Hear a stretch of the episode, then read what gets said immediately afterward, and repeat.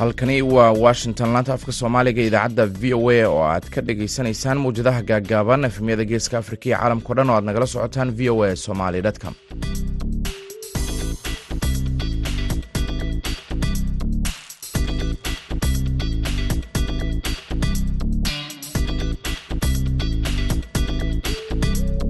Duhur wanaagsan dhegaystayaal waa maalin isniin ah shan iyo labaatanka sebtembar sanadka labada kun iyo saddex iyo labaatanka afrikada bari saacaddu waxay tilmaamaysaa kooda iyo barka duhurnimo. Washingtonna waa lixda iyo barka subaxnimo. Idaacadda duhurnimo waxaa idinla socodsiinaya anigoo ah maxamed bashiir cabdiraxmaan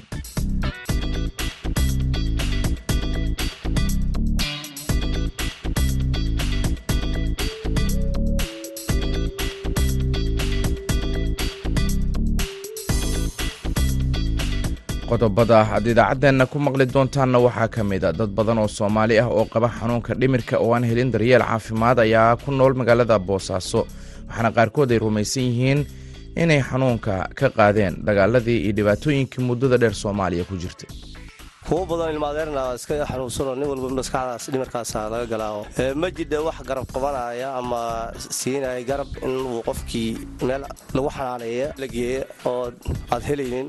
Marka waxaa ku qasbanaanaya qofka xanuunsan inuu iska dhaqaaqa. Me alla meeshuu dee ilaahay geeya inuu dhaqaaq. Kii kalena marka waxaa qabanaya murugta ku beeran ninkii walaalkii sugaysan yahay waxaad kaloo maqli doontaan dad badan oo soomaaliyeed oo la daalaadhacaya xanuunka waalida kuwaasi oo aan helin daryeel u gaar ah qoysaska qaarna ay aaminsan yihiin in ay ka heleen. Qodobkaas idinku celiyo waxaad kaloo maqli doontaan dad soomaali ka mid yihiin oo dalbanaya in magangelyo laga siiyo dalka kanada. Qorshe ay dowladda jarmalku ku taageerayso muhaajiriinta duuniyaha soo raaca badda mediteraneanka kula qariqma oo buuq iyo sawaxan ka abuuray dalka talyaaniga iyo qodobo kale ayaan idiin haynaa balse intaasi oo dhan waxaa ka horeynaya warkii caalamka.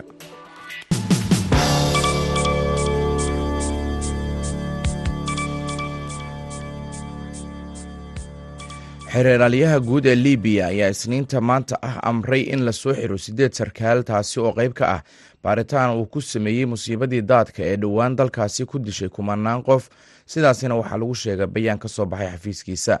Daadka oo ay dadka deegaanku la mid dhigeen sunami ayaa tobankii sebtembar jebiyey laba biyo xireen oo gaboobay kadib markii duufaan xoog leh ay ku dhuufatay agagaarka magaalada dekeda leh ee derna ee bariga libiya bayaan ka soo baxay xafiiska xeraalilinta guud ee libiya ayaa lagu sheegay in mas'uuliyiinta lagu tuhmayo maamul xumo iyo habacsanaan waxaana la sheegay in dadka la eedeeyey ay hadda ka shaqeeyaan amaba ka soo shaqeeyeen xafiisyada qaabilsan khayraadka biyaha iyo maaraynta biyo xireenada sabtidii ayay tirada rasmiga ah ee dadka ku dhintay daadku waxay gaartay saddex kun iyo siddeed boqol oo qof iyadoo hay'adaha caalamiga ee gargaarkuna ay sheegayaan in ilaa toban kun oo qof oo dheeri ah weli la la-yahay kumanaan qaxooti ah oo ka tegay nagorno karabakh ayaa isniinta maanta ah ku qulqulaya dalka armeniya ka hor shir madaxeed u dhexeeya hogaamiyaasha azerbaijan iyo dalka ay xulafada yihiin ee turkiga kaasi oo lagu muujinayo guusha ay baaku toddobaadkii hore ka gaartay fallaagada gooni ugoosadka ah. Ra'iisul wasaaraha armeniya nicol bashinyan ayaa ku eedeeyey ruushku guuldaradii deg dega ahayd ee ay gaartay ama soo gaartay ciidamada armeniyaanka ee gooni ugoosadka ah ee dhulka lagu muransan yahay. Bashinyan ayaa wajahaya mudaharaadyo kale oo ka dhacaya caasimada armeniya ee yerevan kuwaasi oo lagu diidan yahay sida uu maareeyey dhibaatada aqalka kremlinka ee ruushka looga taliyo ayaa si weyn u diiday eedaasi ka timid armeniya ee ah in ciidamada nabad ilaalinta ruushka ee ku sugan nagorno karabakh ay ku guuldaraysteen inay soo farageliyaan dagaalka azerbaijan ee ka dhanka ahaa ciidamada gooni ugoosadka ah.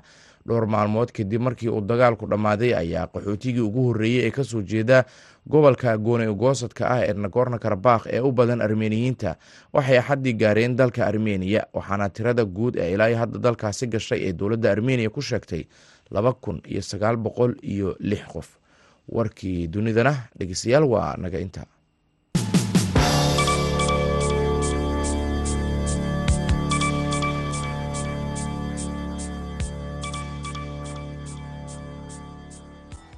halka dhegeystayaal wararkaasi aad kala socotaan waa laanta afka soomaaliga ee v o a. Duhur wanaagsan mar kale aynu ku horeyne dad badan oo soomaaliyeed ayaa la daalaadhacaya xanuunka waalida ama dhimirka kuwaasi oo aan helin daryeel u gaar ah. Qoysaska qaar ayaana aaminsan in xanuunkan uu sababay duruufo dhaqaale xumo iyo arrimo qallafsan oo maskaxda ka dhaawacay dadkooda xanuunka waalidana haleelay islamarkaasina ay ka soo kaban lahaayeen. Haddii ay heli lahaayeen dhaqaale ay ku geeyaan goobaha caafimaadka. Wariyaha v o a faadumo yaasiin jaamac ayaa la kulantay qaar ka mid a qoysaska ay ubadkooda ama waalidiintooda oo xanuunka waalidu ku dhacay. Qaarkoodna ay bannaanada wareegaan. Warbixintan ayayna ka soo dirtay boosaaso tiro badan oo ka mid ah dadka soomaaliyeed ayaa waxaa la soo dersa xanuunno dhinaca maskaxda ah oo ay sababeen dhibaatooyin nafsaani ah oo ay kala kulmeen colaadihii sokeeye ee ka dhacay dalka soomaaliya. Qaarkood waxaa laga dhacay hantidii ay lahaayeen iyadoo kuwo kalena ay xanuun ka qaadeen kufsi iyo dilal hortooda loogu geystay. Xubno ka mid ahaa qoysaskooda. Xanuunadan ayaa waxaa kaloo loo aanaynayaa xaalado qallafsan oo shaqola'aantu ka mid tahay kuwaasoo soo wajaha qaar ka mid ah dadka qaba xanuunada dhimirka. Helada qaar ka mid ah dadkan uu haleelay xanuunka dhimirka waxa ay v o a uga warameen xaaladooda cabduqaadir cali robla layidhaa kuwo badan ilmaadeerna iska xanuunsanoo nin walba maskaxdaas dhimirkaasa laga galaaho ma jida wax garab qabanaya ama siinaya garab inuu qofkii meel lagu xanaaneeya ama meel la geeya oo aad helaynin. Marka waxaa ku qasbanaanaya qofka xanuunsan inuu iska dhaqaaqa me alla meeshuu dee ilaahay geeya inuu u dhaqaaqa kii kalena marka waxaa qabanaya murugta ku beeran ninkii walaalkii sugaysan yahay annaga yar la yidhaah siyaad cali rooble baa labada kun iyo tobanka baa nooga dambaysay hadda meel allo meel ku sugayahay garamayna wixii waa xanuunsanaa miirka laga galayo.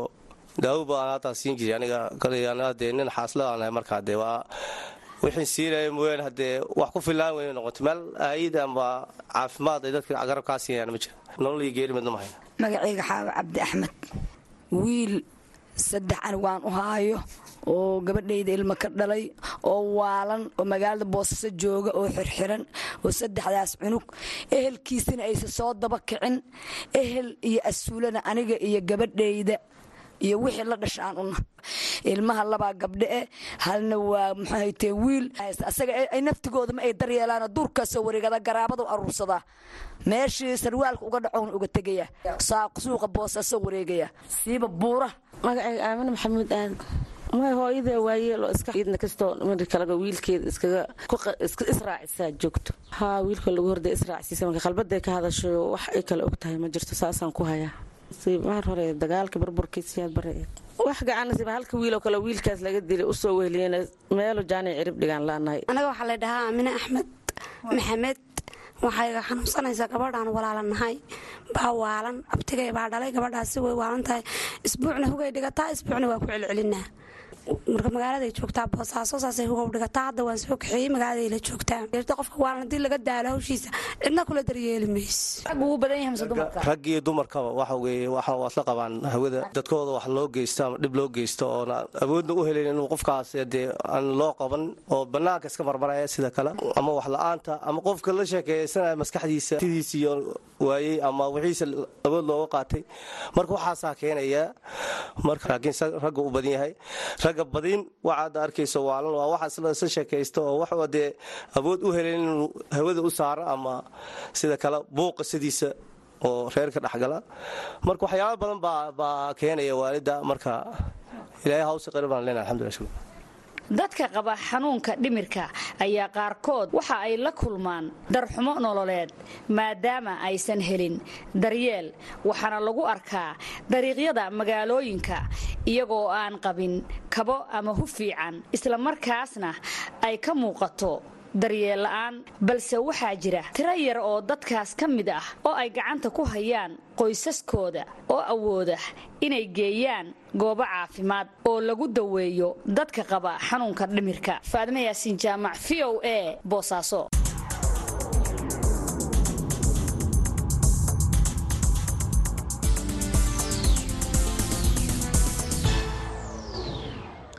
magaalooyinka kala duwan ee dalka kanada waxaa ka socda olole lagu dalbanayo in dadka magangelya doonka ah ee ku sugan gudaha kanada la siiyo deganaansho rasmi ah.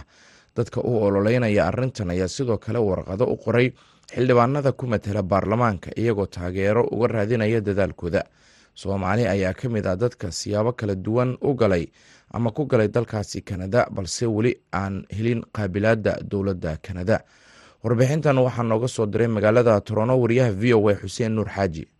Ururada u dooda xuquuqda soogolootiga ah oo kaashanaya dadka kanadiyanka ah ee aaminsan in qof walba lagu soo dhoweeyo dalkan ayaa dibadbaxyada ka dhigayay magaalooyinka kala duwan ee gobollada ontario alberta british columbia quebek iyo kuwo kale. Ujeedka ayaa lagu sheegay sidii cadaadis loo saari lahaa dowladda islamarkaana lagu muujin lahaa dareenka dadka kanadiyanka ah ee doonaya in dadkaasi la aqbalo dadka danaynaya in la aqbalo dadka soogolootiga ah ayaa sidoo kale warqado u dirayay xildhibaanada ku matala baarlamanka federaalka iyagoo ka codsanaya in ay taageeraan sidii dadka soogolootiga iyo qaxootiga ee ku sugan gudaha dalkan loo siin lahaa deganaansho rasmiya dadka dibadbaxa dhigayay ayaa ku dhawaaqayay hadallo muujinaya in kanada ay tahay dal lagu soo dhoweeyo dadka qaxootiga iyagoo dalbanayay in dadkaasi la siiyo deganaansho rasmiya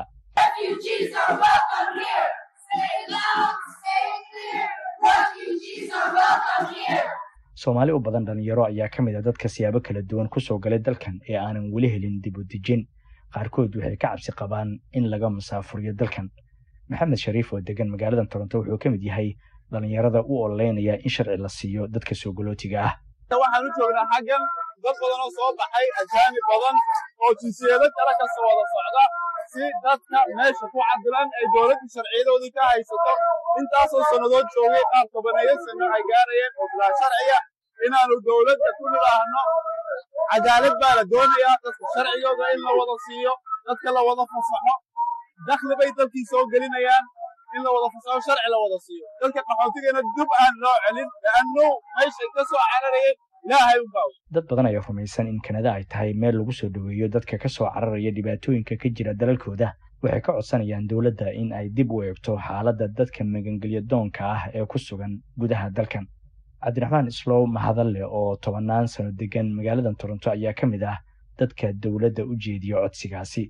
Soo baxaan maanta waxaanu iskugu nimid in aan sharci la siiyo. Dadka weli aan sharci haysanin oo kanada jooga kanada waxaa lagu yaqaan waddan soo dhoweeyo dadka humanitariankana aad ugu wanaagsan. Marka waxaynu u sheegaynaa dowladda federaalka in dadka oon sharciga haysanin sharci la siiyo. Dibadbaxyada iyo xiriir lala sameeyo siyaasiyiinta iyo xildhibaanadu waxay qayb ka yihiin tallaabooyin kala duwan oo ay qaadayaan ururada u dooda dadka magangelya doonka ah ee dowladdu aanay weli aqbalin kiisaskooda ama loo diiday dib u dejin abukaata cabdulaahi barre wool wuxuu ka tirsan yahay ururka walkers action center oo ay hoos tagaan in ka badan hal dhibic laba milyan oo shaqaale. Wuxuu v o eda u sheegay in dadaalada ay wadaan ay tahay mid ay cadaadis ku saarayaan dowladda. Waxay ka tari kartaa annaga axsaabta waxa waaye codkeenna ayay aad ugu baahan yihiin. Hal milyan iyo laba boqoloo kun oo shaqaalaha ayaan matelnaa marka codkeenna waa inay dhegaystaan oo codsiga aan rabna waa inay aqbalaan. Axsaabta dowladda haysto federaalka. ah arrinta ku saabsan dadka magangelya doonka ah ee aanan weli helin sharciga deganaansho ee dalkan ayaa ah mid muddo soo jiitamaysay khubaradu waxay sheegayaan in kiisaska dadkan ay kala duwan yihiin oo ay suuragal tahay in xilli dhow xal loo helo qaarkood halka kuwa kalena ay qaadan karto muddo dheer. Xuseen nur xaaji v o a toronto. Dhinaca kalena qorshe ay ku dooneyso dowladda jarmalku inay ku taageerto muhaajiriinta duniyaha ay soo raacayaan ay badda mediteraneanka kula qariqmaan ayaa buuq iyo muran ka dhaliyay dalka talyaaniga. Warbixin umuurtan ku saabsan waxaa magaalada rome ka soo diray oo magaalada warbixin umuurahan ku saabsan waxaa magaalada london ka soo diray wariyaha v o a qaaradda yurub cabdixaafid cawil ismaaciil. Wasiirka difaaca ee talyaaniga ayaa xaddii sheegay in qorshaha ay baallin ku doonaysa inay ku taageeraan muhaajiriinta ku xanima badda mediteraneanka iyo hay'adaha caawiya ay dhibaato ku tahay talyaaniga oo doonaya in uu qaado tallaabooyin ay ku joojinayaan muhaajiriinta ku soo qulqulaya dalkooda. Arrinkan ayaa imanaya iyadoo warbaahinta talyaanigu daabacday inay afhayeenka wasaaradda arrimaha gudaha ee jarmalku ay baarliin qorsheynayso barnaamij bilow ah oo dhaqaale ahaan ay ugu caawinayaan muhaajiriinta iyo maraakiibta hay'adaha badbaadiya ee badda mediteraneanka afhayeenkan ayaa waxaa kale oo uu sheegay in arjiyo ay haddaasi ku codsanayaan dhaqaale. Laba ka mid ah arjiyadana qiimeyntoodii lagu sameeyey oo ay dhammaatay. Afhayeenka ayaa intaasi raaciyey in labadaasi arji lagu codsaday dhaqaale ahaan afar boqol oo kun iyo siddeed boqol oo kun oo euro maxamed carab oo ah wariye madax bannaan oo degan magaalada kansal ee dalka jarmalka ayaan wax ka weydiiyey qorshaha jarmalka ku doonaya inuu ku caawiyo hay'adahaasi iyo dadka muhaajiriinta ah. Aada iyo aad baad walaal cabdixaafid oo u mahadsan tahay walaal markii ugu horreysay ma aha ee uu jarmalku dhaqaale ku taageero hay'adaha samafalka ee muhaajiriinta ka howlgala dalka talyaaniga iyo badda mediterraneum-ka waxaan kaloo ognahay in maraakiib uu qeyb ka yahay maraakiib reer galbeeda oo reer yurubi oo uu jarmalku ku jiro ay ka howlgalaan badda mediterraneum-ka oo ay ka qeyb qaataan badbaadinta muhaajiriinta iyo la dagaalanka tahriibta. Waxay ahayn walaal maalintii jimcaha mar uu afhayeen u hadlay wasaaradda arrimaha dibadda. Jarmalku ay xaqiijisay inay baarliin fulinayso barnaamij taageero ah oo maaliyadeed oo ay kaga howlgelayso samata bixinta muhaajiriinta. Dadka ku soo tahriiba badda madow islamarkaana soo galaya qaaradda yurub kuwaasoo soo maraya talyaaniga. Walaal afhayeenkani waxa uu sheegay inay heleen codsiyo aada u fara badan oo ay maaragtay doonayo in lagu maalgeliyo mashruucyadaasi. Badda mediterraneum-ka iyo dadka ku soo qulqulaya qaaradda yurub. Mashaariicdaasi ayaa walaal waxaa u dhexeeyaan ilaa afar boqol ilaa sideed boqol oo kun oo euro hay'adaha samafalka ee sos ee humanity waxaa iyaduna ku dhawaaqday inay heli doonto ku dhawaad toddoba boqol iyo sagaashan euro oo boqol iyo sagaashan kun oo euro oo maalgelin ah oo ay dowladda jarmalku taageero ka siinayso laakiin arrintaa waxaa walaac ka muujiyay walaalo oo gaashaanka u daruuray dowladda talyaaniga. Talyaaniga ayaa qorshaha jarmalka ku sheegay mid khatar ah. Dowladooduna ay ka go-an tahay inay la dagaalanto magafayaasha dadka soo tahriibiya. Dagaalkana loo arko mid ka dhexeeya yurub dhinaca kale jarmalka ayaa ka jawaabay walaaca talyaaniga. Waa kan mar kale maxamed carab. Walaal markii arintaasi ay maaragtay walaaca ay ka muujiyeen talyaanigu wasaaradda arrimaha dibadda jarmalka ayaa iyadu difaacday go'aankeedaasi iyadoo sheegtay in badbaadinta dadka badda ku jira ay tahay waajib sharci ah iyo mid bini-aadantinimo iyo mid akhlaaqeed oo ay ku dhiiranayaan inay arrintaa gacan weyn ka geystaan xogtii ugu dambeysay wasaaradda arrimaha dibadda ee talyaanigu ay soo saartana waxay sheegaysaa in maaragtay dadka ku soo soconaya ama doomaha ka soo gudbaya badda mediterraneum-ka ee qaaradda yurub u soo kordhaya inay ku yimaadeen laba jibaar sanadihii hore in ka badanna ay soo gelayaan doomaha iyo dadkuba. Dowladda talyaaniguna waxa ay ay ku hadda ku ad adag tahay mowqifkeeda dhinaca socdaalka sharci darrada ah intaa waxaa dheer in talyaanigu waxa uu doonaya inuu soo kordhiyo go'aano maaragtay inuu ka dalbanayo muhaajiriintu inay bixiyaan lacag si ay ugu badbaadaan xabsiga oo ay dibadda ugu baxaan. Inta laga shaqeynayo codsiyadooda ilaalinta ee magangelya doonka tallaabadaasi ayaa runtii dhaleecayn fara badan oo xoogan ay uga timid hay'adaha xuquuqda aadanaha ee maaragtay ka shaqeeya arrimaha maaragtay muhaajiriinta. Sarkaal sare oo ka tirsan baarlamanka talyaaniga ayaa sheegay tallaabooyinka uu jarmalku qaadayo inay ka dhan yihiin dal ay ahayd inay saaxiiba yihiin. Halka ay berliin sheegtay in dadka laga badbaadiyo badda ay tahay waajib sharci bini-aadnimo iyo dadnimo.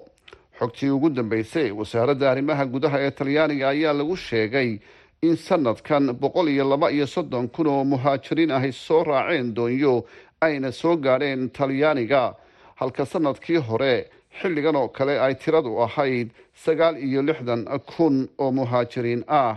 Sabtidii toddobaadkan ayaa hay'adda la yidhaahdo s o s humanity oo taageerta hay'adaha muhaajiriinta ka badbaadiya badda mediterraneanka ay sheegtay inay dowladda jarmalku siin doonto dhaqaale dhan toddoba boqol iyo sagaashan kun oo euro. Dowladda talyaaniga oo doonaysa inay gacan adag ku qabato dadka sida aan waafaqsanayn sharciga dalkooda u yimaada ayaa sheegtay in ay samaynayaan xeriyo dadkaasi muddo dheer lagu hayo ama ilaa iyo inta dib loogu celinayo dalalkii ay ka yimaadeen. Cabdixaafid cawil ismaaciil v o a london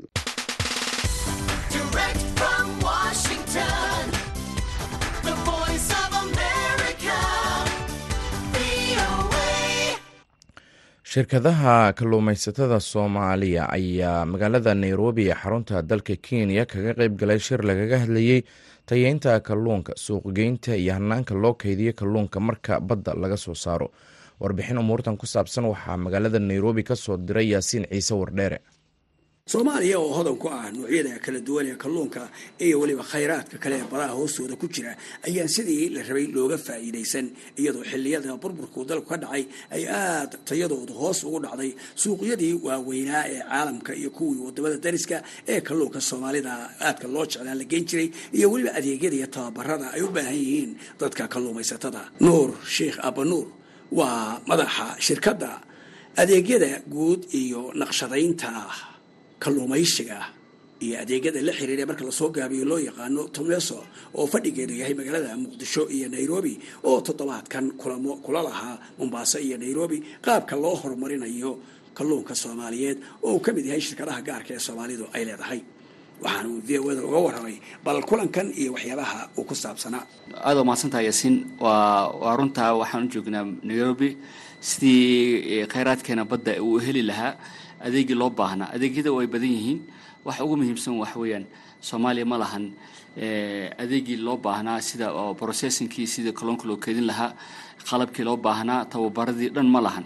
Marka waxaan ka shaqaynaynay sidii soomaaliya ay u heli lahayd adeegyadii loo baahnaa loo kale oo gudaha soomaaliya u baahan yihiin waa adeegyadaasna waxaa ka mid ah inay helaan qalabkii loo baahnaa farsamadii iyo lagu keedin lahaa kalluunka qaabka loo qaban lahaa kalluunka tababar la siiyo marka adeegyadaasaan ka shaqaynayna iyo sidii howlahaas aan isugu xiri lahayn gudaha iyo dibadda waxaa jirta shirkado badan oo aan xiriir leenahay kalluumaysatada oo waddanka dhan ku teedsan. Marka waxay u baahan yihiin adeegyo adeegyadooda kalluunka inay gudaha iyo dibaddaba ay u helaan suuqgeyn iyo nidaamyadii loo baahnaa inaan ka caawino dadka soomaaliyeed muddo dheer bay xiriir la lahaayeen waddamada dariska iyo weliba bariga fog marka laga hadlayo kalluunka iyo khayraadka badda.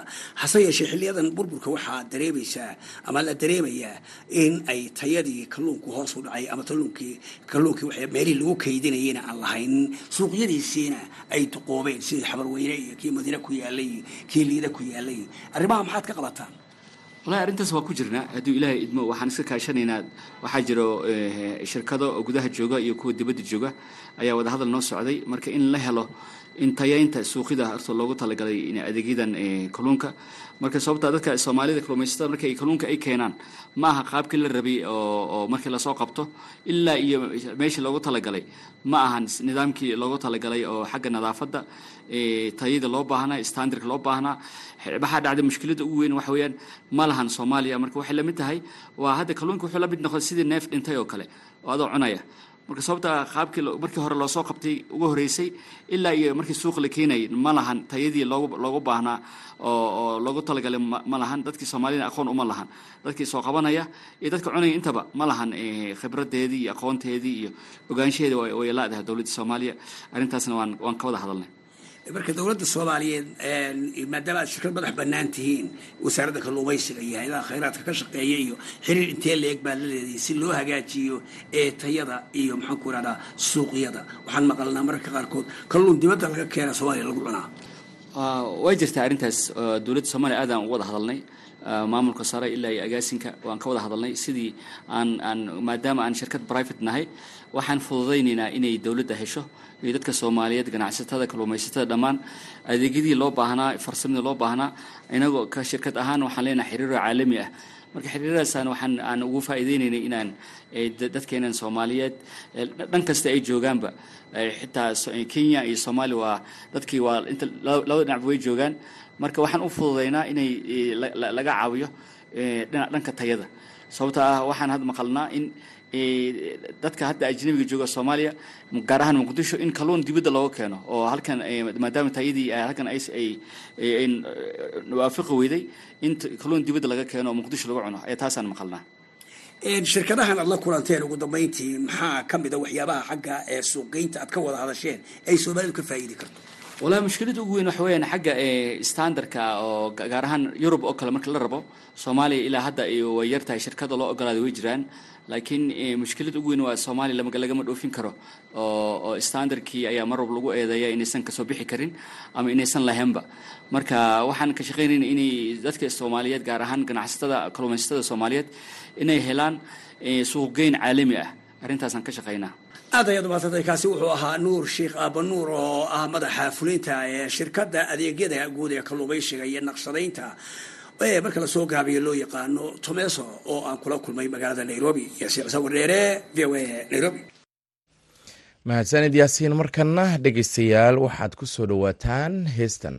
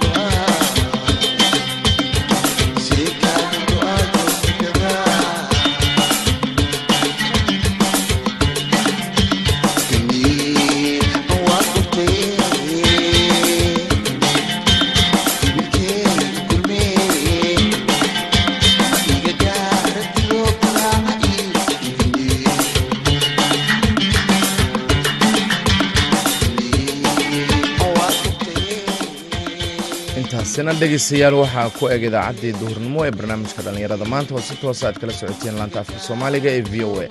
Tan iyo kulanti dambe waxaan idin leenahay nabadgelyo